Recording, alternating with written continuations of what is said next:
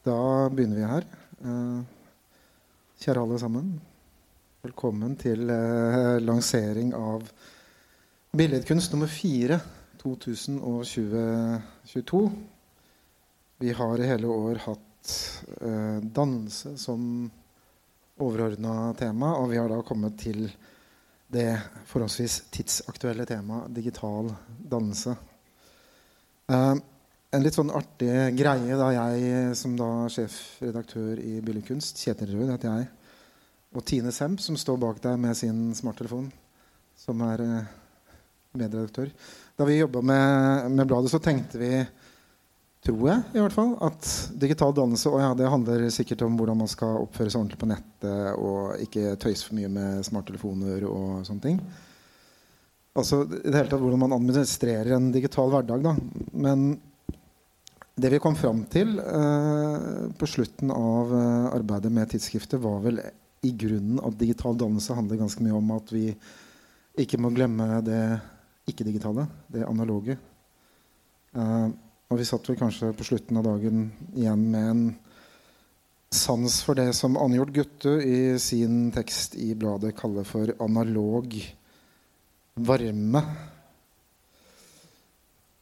I dag eh, så skal vi ikke snakke så mye om tidsskriftet, men vi skal snakke med en kunstner som kanskje kan sies å jobbe med analog varme. jeg vet ikke. Men Petrine Vinje, som er doktorgradsstipendiat på Kunsthøgskolen i Oslo, er i hvert fall vår gjest i dag. Og det er dine saker og ting, din kunst, dine tanker vi skal, vi skal snakke om. Så velkommen. Tusen takk.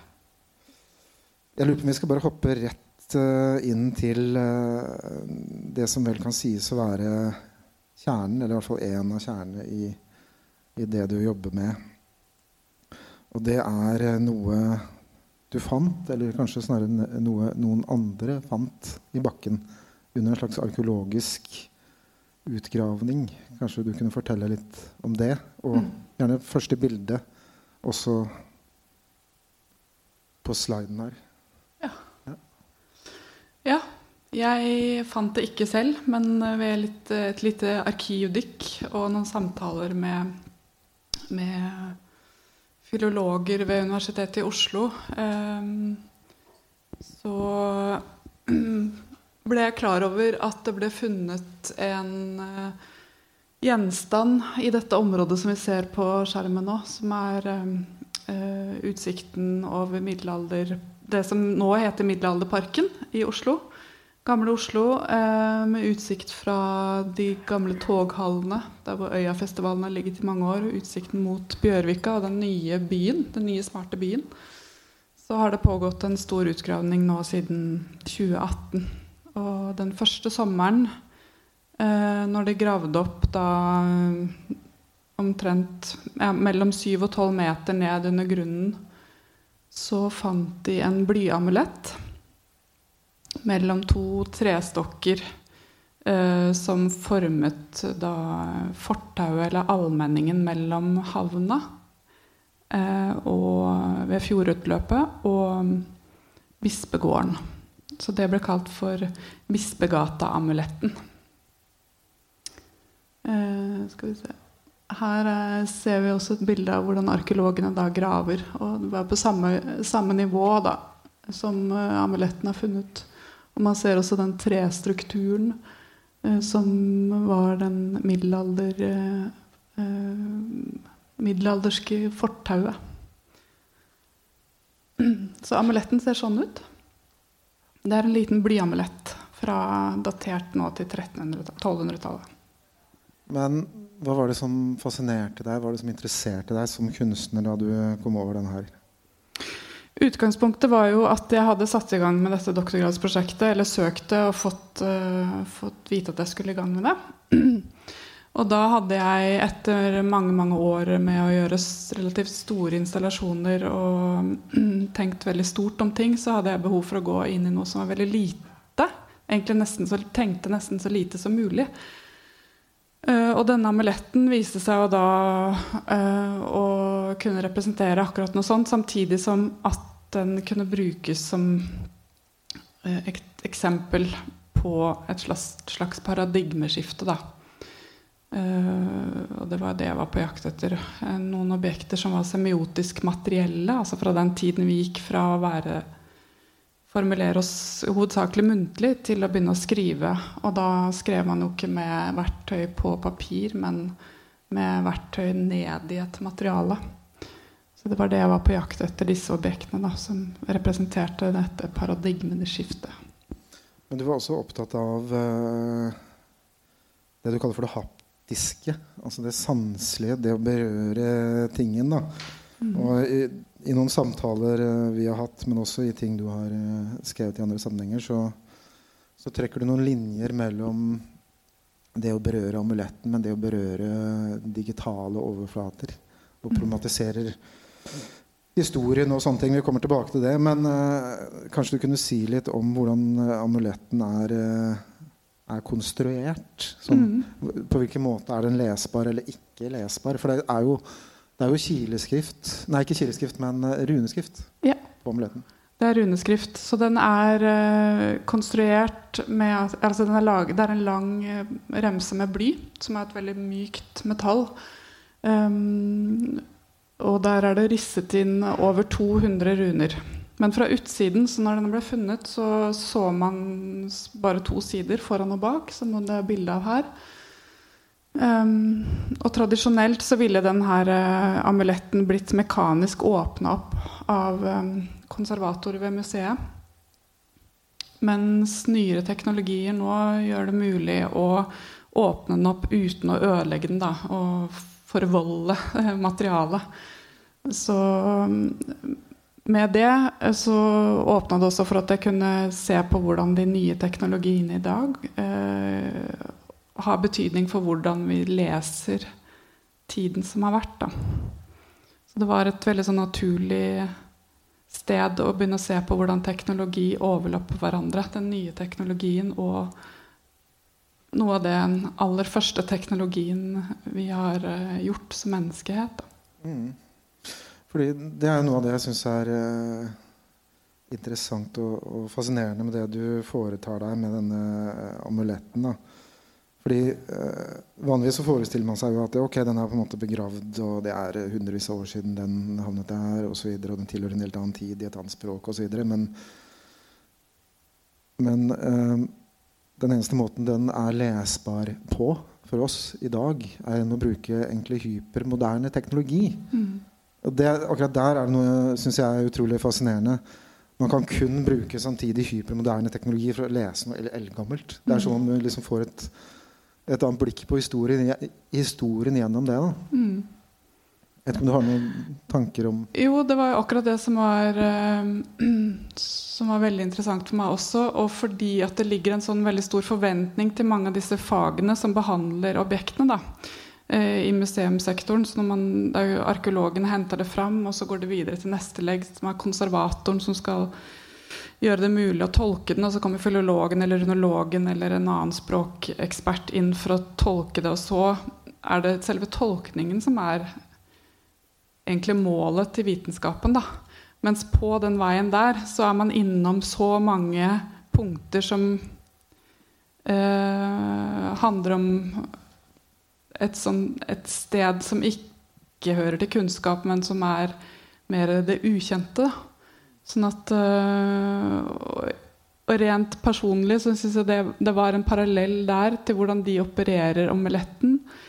Ehm, til hvordan jeg også forholder meg til teknologi. Både i arbeidene jeg gjør, men også i mitt personlige liv. Og hvordan man baler rundt med alle de plattformene man er på osv. Kan, kunne man kanskje si altså, Jeg syns det er eh, også fascinerende og spennende å se på ok, hva, hva, er det man har som mål? Da, nå snakker du om hva er målet. Jo, det er å gjøre noe lesbart på en eller annen måte. ikke sant? Mm for en kunnskapsprosess er å gjøre noe forståelig lesbart for seg selv og andre. Og andre. Men uh, du, du, nevner ok, her, i prosessen for å lese en sånn type gjenstand som denne amuletten, så har du mange fagfelt som på en eller annen måte gjør hver sin jobb. da. Mister man, tenker du, noe på veien ved en sånn type oppdeling av hvordan man nærmer seg en sånn type gjenstand som det her? Og kan kunstneren altså Det er egentlig det jeg skal fram til. Kan kunstneren på en eller annen måte Eller deg, det er egentlig det jeg snakker om. Kan du på en eller annen måte øh, forene den oppsplittinga? Tror du? Jeg tror Altså, jeg tror nok ikke de opplever det som veldig oppsplitta. Det er bare kanskje det at det er litt sånn kryptisk for oss som ser på det på utsiden. Og så for min del så har det vært interessant å holde fast i det som ikke er et forskningsresultat, da, men det ukjente. Uh, og det som er um, kanskje ikke villet eller intendert. Og da, det handler også om å se tilbake på amuletten og dens funksjon. Da, hvor den var rundt når den ble brukt på 1200-tallet som en slags mnemonisk eh, device, kalles det vel. Et sånn minne, minneobjekt som antageligvis noen har gått og holdt på og for å huske noen ord da, noen, um, som har vært viktig å huske på. Mm. Som skulle beskytte eller, um, eller um, frastøte noe som var farlig. Mm. Eh, så jeg prøvde å heller holde på den posisjonen der og la det ukjente få lov til å vokse og få stor plass. Hva er det ukjente i sammenhengen? Altså, har det med minnefunksjonen å gjøre, eller hva tenker du? Ja, For meg, hvis jeg ser stor, stort på det i kunstnerskapet mitt, så handler det om det ukjente i hvor minner og kroppslig kunnskap lagres. Uh, um, og så rent hvordan det har fått utspille seg nå i de verkene jeg har lagd.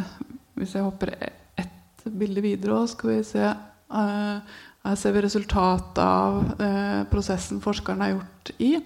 Og så skal vi vise noen minutter av en film uh, som er et tydelig resultat, hvor man får se hvordan jeg behandler dette her ukjente. Da, og hvordan også forskerne er i nærheten av det eh, hele tiden gjennom sine egentlig helt eh, øns ønske om en objektiv lesning da, av, en, av, den amuletten. Og forstå noe om en tid de ikke egentlig vet alt om. Jeg tenker også på i den eh, vitenskapelige behandlingen av den amuletten, som vi snart skal få se et lite klipp fra. Så har du et interessant grep med dette lydbildet der. Som også i og for seg nyanserer, eller i hvert fall utvider, hvordan vi gjerne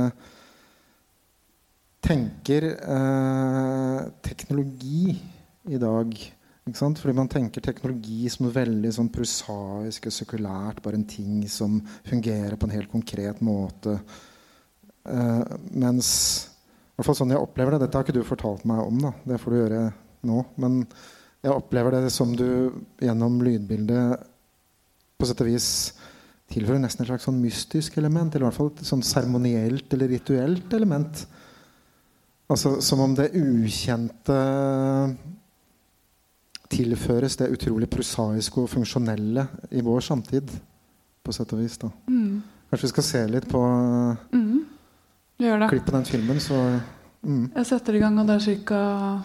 to-tre minutter.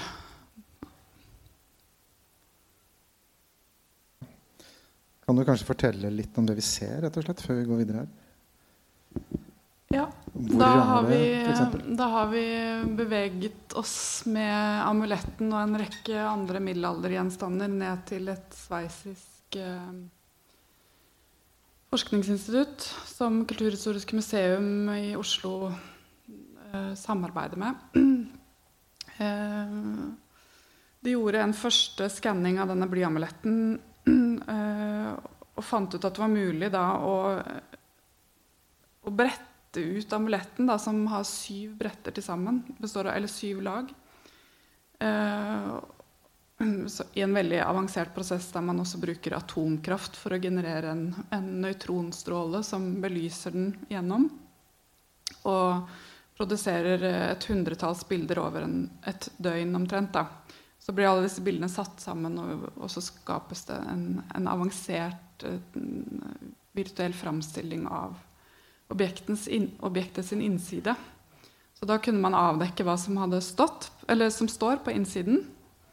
Um, og så håpet jo forskerne på en stor uh, sånn banebrytende forståelse da, av hvordan magisk-religiøse praksiser utfoldet seg på middelalderen. Um, og det finnes et par rapporter om det som man kan lese, som man finner på nett hvis man vil. da, så man, man kan uh, få vite hva som står inni. Men lydsporet som går, er, um,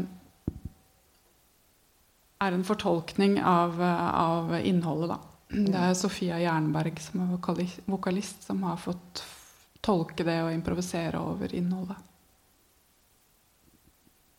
Skjønner. Mm. Uh, det bare slår meg med I hvert fall i mitt møte med det du gjør, så slår det meg at det å søke kunnskap eller gjøre noe lesbart og sånne ting, det handler ikke bare om, og ikke kanskje engang nødvendigvis om, å sitte igjen og kunne lese den setningen som egentlig står der, eller få vite hva noe egentlig betyr. Men kanskje heller, som jo tilfellet er med en god del kunst, kanskje heller skape noen objekter, ting og erfaringer som bryter ned rigide skiller og dyktomier og måter å organisere verden på. Da. Og i, i, et annet arbeid du har jobbet med underveis i doktorgradsprosjektet ditt, så har du gjort også noe sånt. Og også noe som gjenspeiler i og for seg prosessen vi har vært vitne til her i filmen og i samtalen hittil. Da. Men hvor ting på et sett og vis går omvendt. Det er som om vi skaper en situasjon hvor vår tids rune, runer, da, eller vår tids innskrift, på en eller annen måte gjøres arkeologiske eller arkiviske som om de var eldgamle på sett og vis. Eller i hvert fall fysiske og, og, og ubevegelige. Mm. Og da snakker vi om uh, disse uendelige bevegelsene som vi gjør når vi driver og scratcher på, på iPhone-skjermen og på tablets og sånne ting. Mm. Mm. Ja, det var uh, et tilbakelagt uh, stadig i prosjektet mitt nå, men det fint uh, å kunne snakke om det i den sammenhengen her, fordi det har vært en viktig del av, av forståelsen av hvordan jeg kunne liksom jobbe med den tematikken. da. Mm. Og bringe sammen eh, fortiden og, og, og nå, nåtiden. Og det handler jo om da å prøve å forstå eh, litt av hvordan vi bruker skjerm og kommuniserer på den. Hvis det er sånn at, at det en gang i framtiden blir sett på som en slags um, et, et, minneobjekt, da, som jeg jo tenker at det er, med all den informasjonen som vi går rundt eh, med uh, Eller på med i lomma vår hele tiden. Så kan man jo er det interessant for meg å tenke på hvordan disse objektene blir lest en gang i framtiden av en arkeologer en gang om 100-200 år. Hva er det som vi velger å la bli liggende igjen? da? Og det er jo allerede av, avanseres jo i lagringsmuligheter og arkivsystemer nå for å ivareta det digitale. Da. Det er hele tiden en sånn frykt for å miste noe. Um, jeg syns det er en interessant parallell nå å se på hvordan da den tradisjonelle arkeologien og museumssystemet på en, måte, på en måte opprettholder det å bringe inn objekter, eh, grave ut, hente fram, eh, lagre. Alt med dette her helt sånn manuelle arbeidet hvor personer og mennesker sitter og håndterer objekter. Samtidig som de snakker om dekolonialisering av arkivprosesser og museumspraksiser. Og setter i gang store digitaliseringsprosesser. Da. Så nå snakker vi om dig digital arkeologi osv. nå, da. Så i tidlig i prosjektet, og også som et direkte resultat av at uh, det var pandemi og jeg ikke fikk jobbet med, med de her forskningsinstitusjonene som jeg hadde starta å samarbeide med, så tok jeg for meg smartphonen min og kjøpte noen sånne enkle tegneapper. Begynte å tegne eh, enkle skisser på den, bare for å se, prøve å registrere om det var mulig å eh, se på trykk og, og tyngde osv. Mm. Og det har vi faktisk noen eksempler på her. Ikke, kan vi kan sende de rundt, ja. ja. Er det lyst til å hjelpe meg med å begynne distribusjonen? Altså, da ble de digitale tegningene fra smartphonen min da øh, oversatte jeg til forskjellige typer øh, digitale filer. Og så tok jeg det med til CNC-fresen, som jeg har jobbet med i egentlig mange år. Da. Uh, og gjorde noen tester i hvordan det var mulig å oversette de tegningene til fysiske tegninger eller eller, um, eller nye amuletter eller noe slikt. Jeg syns det er noe sånn uh, Altså mot en bakgrunn hvor Mot en bakgrunn hvor uh, jeg opplever at du skaper bilder, en måte å tenke på, som på, på sett og vis oppløser de litt sånn rigide skillene mellom det digitale og det analoge men også det eldgamle og det helt nye. Mm. Så er det noe utrolig fint da, ved å se på de utrolig sånn trivielle fingerbevegelsene som vi gjør antageligvis timevis hver eneste dag som en slags sånn form for meningsbærende innskrift. Ikke sant? Uh, jeg vet ikke, hva, kunne du bare si litt hvordan, hvordan opplever du når du sitter og, og lager disse objektene som nå går rundt blant tilhørerne her. Leser du det på noe, eh, på noe, vis, eller hva ser du i dem? Det er jo dine bevegelser. Ja, det er mine bevegelser. Men jeg jobba jo så langt bort egentlig fra meningsinnhold som mulig. da. Ja. Så var mer det var mest interessert i å se om det var mulig å komme til en slags sånn daglig rytme på å sitte og tegne uten å tenke, eller er det mulig å gjøre kontemplative tegninger på en smartphone? Jeg begynte å tenke på er det altså, Hvor mange lag eh, av informasjon ligger bak den liksom, fingerberøringen på glassflaten? Mm. Eh, når er det kobler ut og ikke? Det, og det er jo også noe som er helt oppe i dagen når man jobber med digitale teknikker. Da, da berører man jo dette spenningsforholdet mellom hva som er tilfeldig, og hva som er uh, intendert da, hele tiden. Fordi at uh, du kan instruere datamaskinen om hva den skal gjøre. Mm. Men til, det er til en viss grad. Og så skjer det noen Det skjer, det skjer nesten alltid, eller ofte så skjer det jo ting som verken datamaskinen eller jeg forstår hvorfor skjer. Mm. Eh, F.eks. en CNC-fre som, som uh, da får beskjed om å frese ned i det materialet to millimeter og med en hastighet sånn og sånn og bevege seg fra X til Y-punktet. Alt det der kan jeg sette. Mens jeg mm, jobber jo ikke med datamaskiner på den måten at jeg går inn i og prøver å styre hack hacke programmet eller noe sånt. Da. Men det er muligheter for det.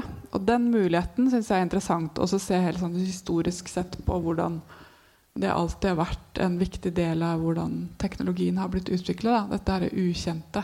Man mm. ikke helt vet. Mm.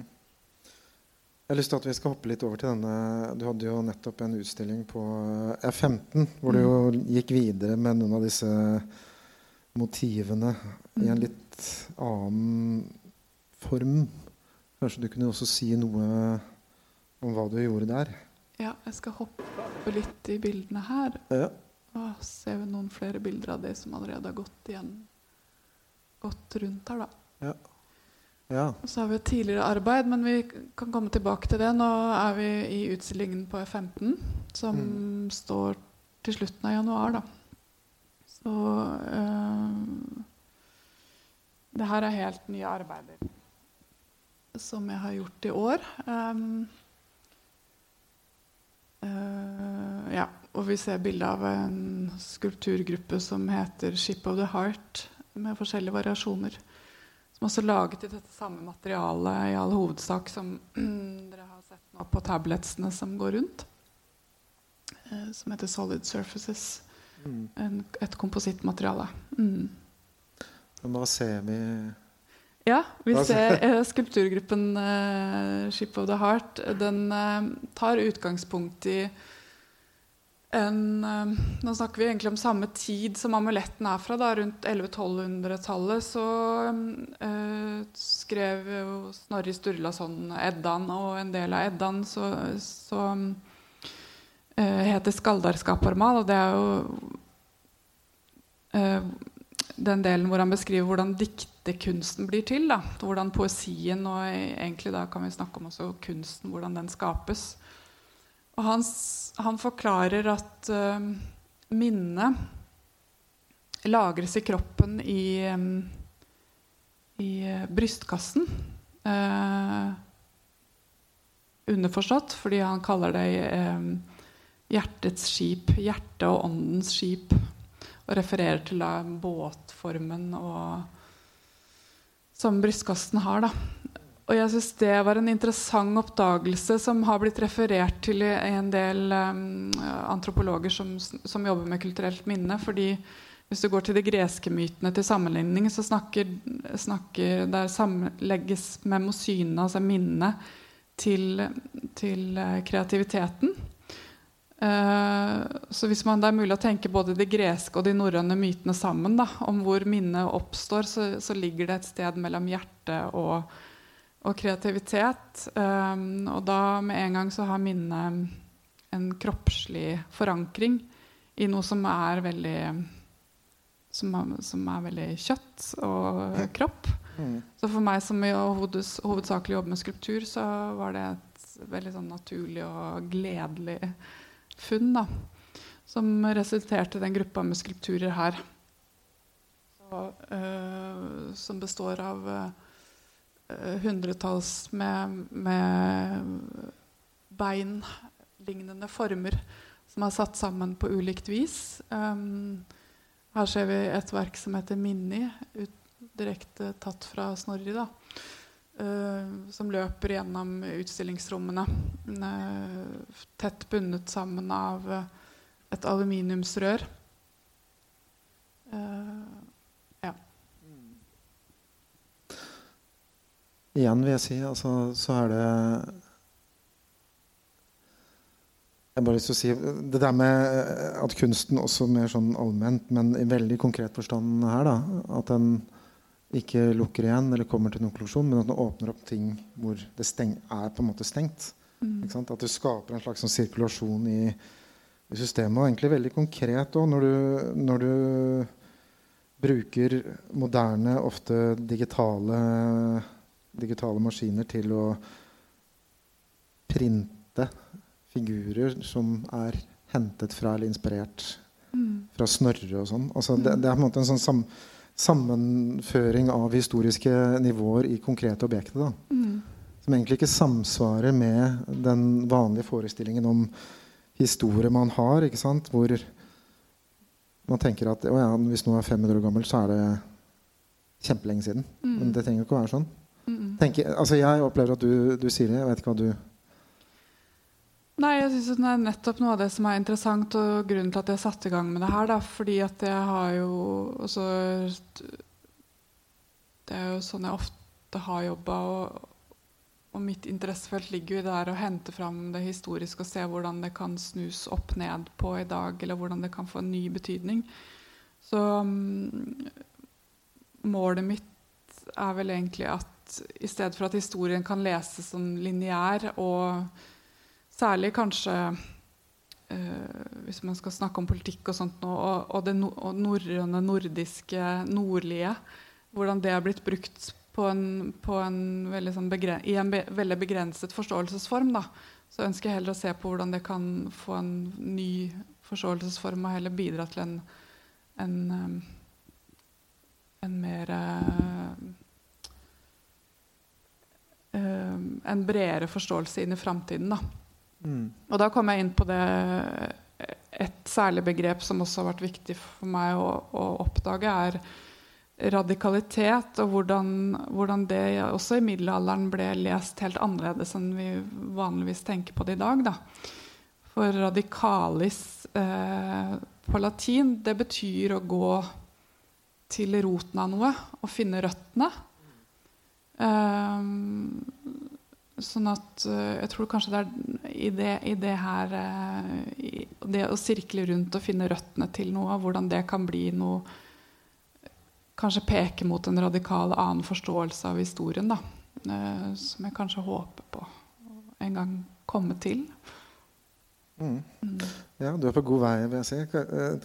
Kunne man tenke seg at hvis vi bare som et eksperiment bare heve blikket fra det du har gjort, da, og bare se på det som en slags metode hvor uh, samtidige, det samtidige elementet er hva skal man si, maskineriet eller produksjonsarrangementet. Da. Det kan jo være maskiner som du har her, men det kan også være andre ting. Og hvor eh, det man skal undersøke, er eldre.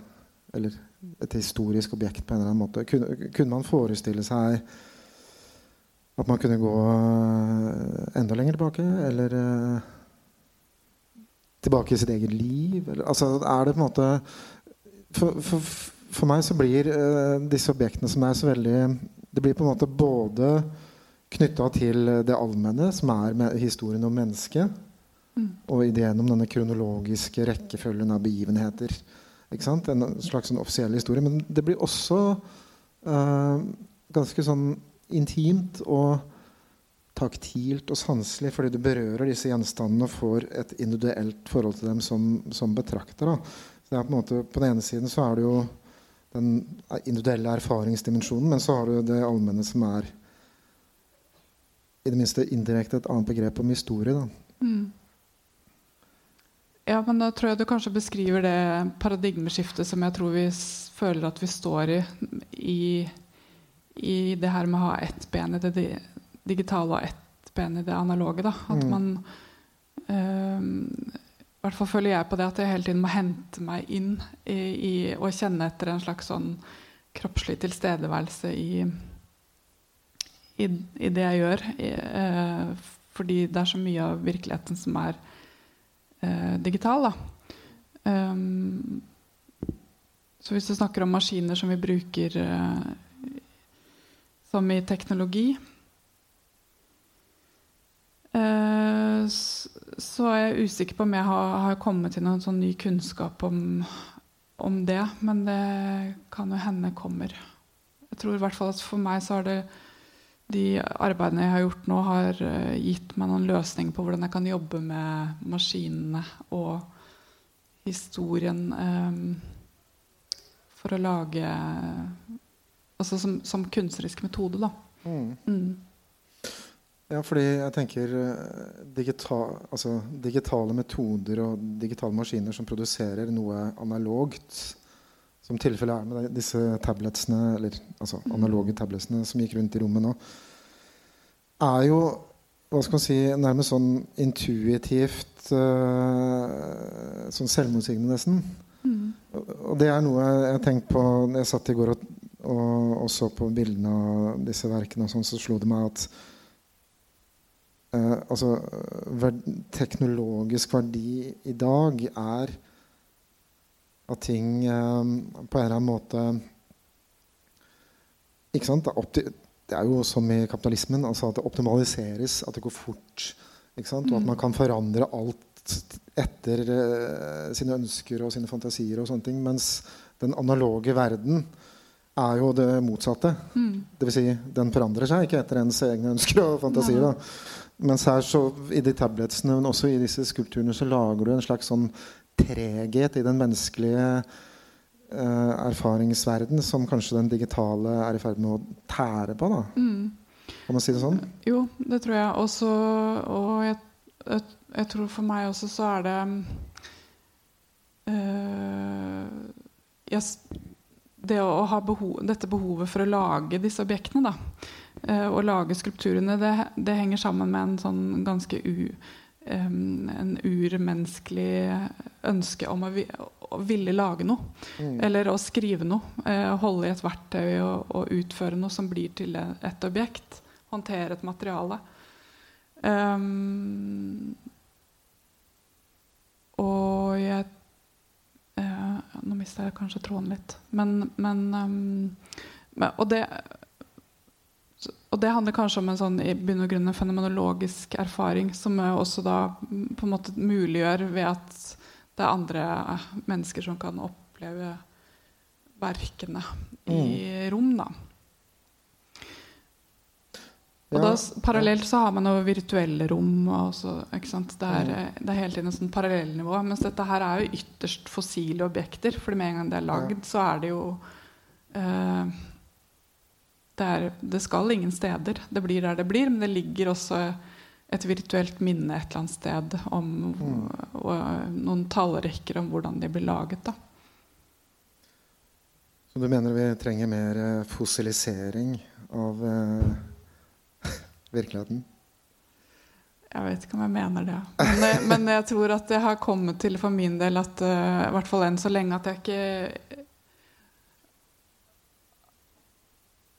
At jeg for min del syns det er interessant nok å kunne bare bruke teknologien til å lage kunst, og ikke nødvendigvis måtte lage teknologien. Det fins mm. nok av kunstnere som også jobber med rene teknologiske prosjekter og, og algoritmekunst og sånt noe. Men, ja. Eh, NFT eller et Men jeg er kanskje mer interessert i det filosofiske perspektivet til hvordan algoritmen og sånt noe eksisterer, og hvordan det former oss. Men kan jo komme siden. Men jeg tror også at eh, det er viktig for meg dette med å kunne lage noe, da. Mm. Absolutt. en ting som har slått meg litt sånn underveis nå, er eh, mens jeg har betrakta disse bildene igjen, og for første gang sett dem så stort, det, mm. så slår det meg altså, Vi har jo, vi har jo snakka om at det er en form for sanselighet i dem som tilsynelatende er forskjellig fra den veldig sånn kunstige materialet de har laget av, som er mm. bare en ren, nærmest en slags materiell fiksjon, hvis man skulle lage et litt sånn snodig begrep. Altså det er et materiale som er diktet opp for å holde lenge, som, som du har fortalt i, i, en film i forbindelse med utstillingen din. Altså mm. At det skal kunne holde lenge ute i rommet og sånne ting. Mm. Uh, så det er på en måte et kunst, kunstig materiale og, og uh, produsert med digital teknologi. Men samtidig så er det en, en slags sånn, det er en slags sånn primalimpuls i det. Det vil si, det ligner på innsiden altså Det ligner jo på skjeletter, nærmest. ikke sant? Altså, mm. Så det er noe med det også som uh, speiler litt dette med den amuletten og de forskjellige nivåene i historisk erfaring, både på individuelt og allment plan. da, At det er på en måte noe sånn instinktivt og kroppslig, men også noe mer hva skal man si, filosofisk. da. Mm. Ja, det ligger en sånn filosofisk overbygning eh, til, til, hvordan de, det materialet, og kanskje flere eh, materialer som kom ut av teknologi og teknologiframskrittet på 60-tallet, Uh, at det ligger noe der, en ambivalens som jeg syns er interessant. Men den har også en veldig sånn for meg appellerende, appellerende ambivalent uh, taktilitet og uh, gir en sanseerfaring som er ulik alt annet. Mm. Um, ja, det er virkelig Altså Ulike tidsepoker gjort til et konkret individuelt objekt. Da. Mm. Altså, som er det abstrakte gjort konkret, da, i en viss forstand. Mm. Men jeg lurer litt på om vi skal åpne for spørsmål, hvis det er noen som har noe mm. å spørre om, eller noen som lurer på et eller annet i forbindelse med det vi har snakka om, f.eks., så er det fritt fram. Ja. En her borte, Tine. Det var ikke så planlagt spørsmål til at det ble mikrofon, men eh, ok. Um, jeg lurer litt på um, Så når du snakker om f.eks. den amuletten og ting som ofte er funnet som har en sånn historisk kontekst, så leses det jo selvfølgelig i en kontekst med f.eks. de lagene det ligger i arkeologisk, og hva objektet har betydd i en liksom større sammenheng, som samfunn og kultur. Um, jeg merker selv at jeg var litt sånn nysgjerrig på hvordan du jobber med det i forhold til det digitale. Altså kontekst i en digital liksom, tilnærming. da, i hvordan litt Ja, jeg vet ikke om det er kanskje ikke så tydelig spørsmål, men om det er noe du har noen tanker rundt. da, Fra det fysiske til det digitale. altså hvordan, for, hvordan disse, se for I denne installasjonen her så er det jo veldig tydelig i en kontekst av rommet. Det er i, men det er jo en sånn, man må jo gjennom en sånn overgang med Når man har en digital produksjonsmetode, da, altså mm. hva, om du har noen tanker om, om, det? Jo, det ligger jo der. Eh, men, og det er jo ikke implisitt for alle at man forstår at det er produsert ved hjelp av digitale teknikker. Så det er jo noe jeg på en måte enten må velge å legge fram eller ikke, da. Eh, men, men jeg kommer nok til å på en eller annen måte vise det i liksom, oppsummeringen av dette her eh, tre års lange prosjektet. Så skal jeg nok vise metodene. Eh, ikke helt fra A til Å, men liksom vise hvordan reisen har foregått. Da. For det handler om en oversettelse her fra et fysisk eh, objekt i et arkiv eh, og en prosess, det å observere en prosess gjort av andre. Og en fortolkning, eh, rett og slett. da. Så de, de, skrittene på veien der mm, kommer til å bli vist slutt, mot slutten av prosjektet, da. Mm. Ja, flere innspill eller spørsmål der borte?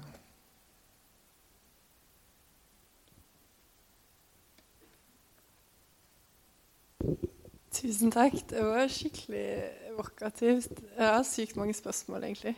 Men jeg skal begrense meg til to. Um, det ene du snakka om, det var dette det ukjente. Og så lurer jeg liksom på om du har gjort deg noen tanker om hvor det ukjente liksom finnes. Hvor leter man etter det? Og det er et kjempestort spørsmål og veldig bra. Um, og jeg tror kanskje det er mange svar på det. Men for meg, det som er mest interessant er, uh, som et sted å lete etter det ukjente, da.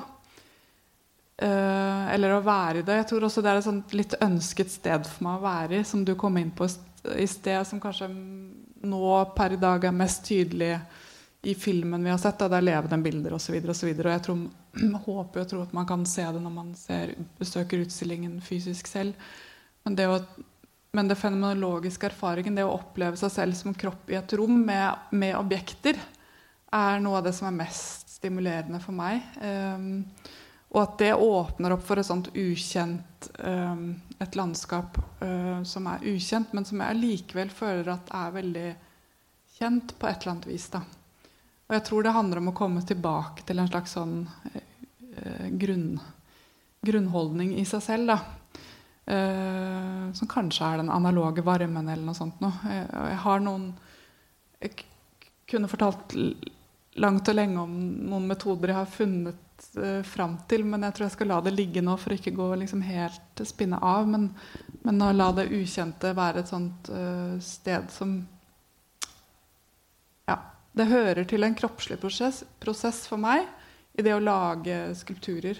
Og med en gang skulpturen også blir en kropp en form som jeg kan uh, plutselig snakke med. Mm. Kan jeg stille deg til? Takk. Um, det andre jeg tenkte på, var uh, Fordi jeg er selv psykolog, og jeg tenker på det der med interface, haptic, og liksom det når man berører noe som man på en måte skal interagere med. Og jeg fikk assosiasjoner til det også, sånn som i mitt yrke, da, å berøre noen gjennom samtale, ikke faktisk ta på dem, mm. men ikke egentlig ordentlig se hvordan, eller hva som skjer inni det. At det var liksom en slags Jeg fikk en assosiasjon til det du sa med som digitale overflater. Og også bruke verktøy liksom, for å tilnærme seg noe som man ikke tar på direkte. Um, nå, nå, gjorde jeg det man ikke skal gjøre. Jeg stiller ikke et spørsmål, jeg kom med en assosiasjon. Men ja det var en assosiasjon da, om det er en slags likhet mellom det å samtale med et menneske som man ikke kan berøre, mm. og en digital overflate. Mm. Ja, det var en fin kommentar, og jeg relaterer jo til det. At, uh, at det er mulig å, Altså, jeg tror jo at uh, i det virtuelle så skapes det også noen rom hvor man kan gjøre noen sånn snodige fenomenologiske erfaringer som Hvor man plutselig også møter et menneske man ikke er i samme rommet. da. Jeg tror kanskje det er mulig. Så jeg tror ikke eh, Jeg er heller ikke av den som tenker at teknologien At vi ikke skal ha den, på en måte. Eller um, den, den, vil være der. Og det vil kanskje være mulig å oppdage noe av det, det ukjente gjennom teknologien også. Men det med det ukjente Bare sånn Hvis jeg kan stille et spørsmål, da. Mm. Nei, men noe av det ukjente sånn som du har snakket om det Noe jeg syns er fint med det, er den Hva skal man si Den friheten da, du eh, vi, viser ved å nærme deg det som er nesten liksom det mystiske og det spirituelle og åndelige og den type ting. da um, som jo veldig mange i vår verden uh, har en sånn engstelse for. Men jeg tror jo, som jeg tror at du også mener eh, at disse tingene, det spirituelle, det åndelige, og i og for seg også religion og sånne ting jeg, ikke, jeg, tror ikke på noen gud, men jeg tror at den lengselen etter en slags det ukjente, eller en slags sånn hemmelig forbindelse med ting, eller alt dette her, eh, på et sett og vis er en verd, veldig verdifull lengsel. da og i, i, forlengelsen av det så er også det rituelle og det seremonielle, det å gjenta handlinger, det å se på uh, gjenstander på nytt igjen og igjen, det å lage serier, som man gjør i kunsten, og som du har gjort her, er også uh, verdifullt i seg selv. Altså Man får en form for oppmerksomhet som er innstilt på noe litt annet da, enn denne gjengse, digitale, veldig sånn raske kulturen. Mm. Ja. Jeg er jo enig i det. Og jeg tenk, tenker at uh, Både i forhold til det du sa nå, men også det, ditt spørsmål om, om, det ukjente, så um, Jeg lurer på om dette stedet eh, Som ikke er et sted, så det er kanskje et dumt ord for det, men, men den nære tilstanden da, av, ukjent, av det ukjente som berører det mystiske, og for mange, også, mange fyller det også med noe religiøst. Da. Men um, jeg har begynt å tenke på det som et sted hvor det er eh, Eller en tilstand hvor man kan komme til viten om noe. Altså place of knowing mer enn et place of knowledge. Altså I vitenskapen og i forskningen så søker man kunnskap om noe, men kanskje, man, kanskje i en kunstnerisk prosess og en kunstnerisk forskning så handler det om for meg da å være i en tilstand av å, å skjønne mer, eller et, et sånn handlingsord, da. Mer enn en et sånn statisk ord som handler om objektivitet. Absolutt. Og, og igjen, altså Jeg tror at noe av kunstens verdi som sådan jo er det. Ikke sant? Kunsten befinner seg jo mellom de gjengse og etablerte kategoriene. Den finner liksom dette tredje stedet, en slags sånn hybrid mellom ja, nei, mann, kvinne, natt, dag, digital, analog osv. Og, insistere på det i veldig konkret form, som med dine, uh, dine skulpturer. Da. Men den manifesterer også, tenker jeg, noe annet som man veldig lett glemmer, og som definitivt er en analog varme. Og det er jo verdien av noe så enkelt som uh, å ikke vite, men vente, bare. Filosofen Simon Weil skriver veldig bra om uh, verdien av oppmerksomheten i seg selv. Og bare gjøre seg mottagelig for erfaringer og objektet. da. Mm. Og det å være mottagelig for erfaringer og objektet handler jo egentlig bare om å gjøre seg og ikke fylle på med noe annet. ikke sant? Altså Det er bare, så å si bare sitte og vente da, i bønn eller meditasjon eller et eller annet sånt noe. Uh, det tror jeg er en ekstremt verdifull erfaring. da. Mm. Og det tenker å være noe mystisk med det. Men uh, som du er inne på, jeg tror det er helt essensielt for å komme fram til veldig viktige erfaringer uh, ved det å være i denne verden. da. Og det, det tenker jeg du har med deg i disse prosjektene dine. Altså det å bare vente og, og det å hva skal man si, utfordre etablerte kategorier mellom gammelt og nytt osv. digitalt, analogt. Men ikke liksom umiddelbart komme med noe nytt svar, men konkretisere det igjen med et slags sånn, kanskje minneobjekt til meg. Og be noen tilskueren se på dette og, og vent, så å si. da. Mm. Altså, det er noe veldig verdifullt i det. Mm. Jo, takk. Eh, elsker jo Simone Weil. Så det, hun er en viktig, viktig person i mitt liv, så jeg, jeg venter gjerne med henne. Jeg fikk bare lyst til å hoppe Ja, som en siste kommentar, kanskje. Vi antar at vi nærmer oss til slutten. Men Ja, eh, vi. vi kan jo avslutte med de her eh, pregnante ventende objektene her, da. Som eh, danner eh, hoved... Eller ja, spiller hovedrollen i utstillingen på E15, da.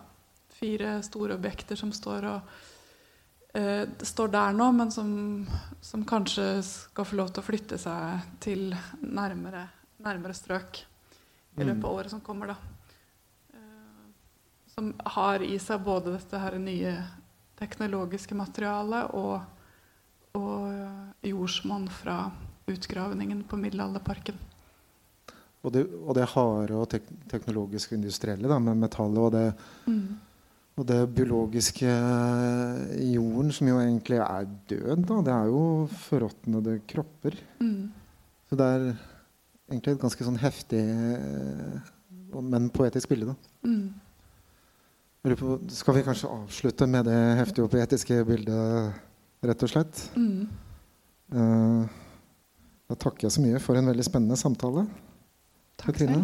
Takk Og takker til dere for at dere kom og hørte på oss. Og øh, heng gjerne litt rundt, fordi vi har jo lansering i dag av uh, billedkunst, men også litt sånn julemingling. Veldig førjulsmingling, da, men uh, heng gjerne litt til og ta et glass. Takk for i dag. Takk for nå.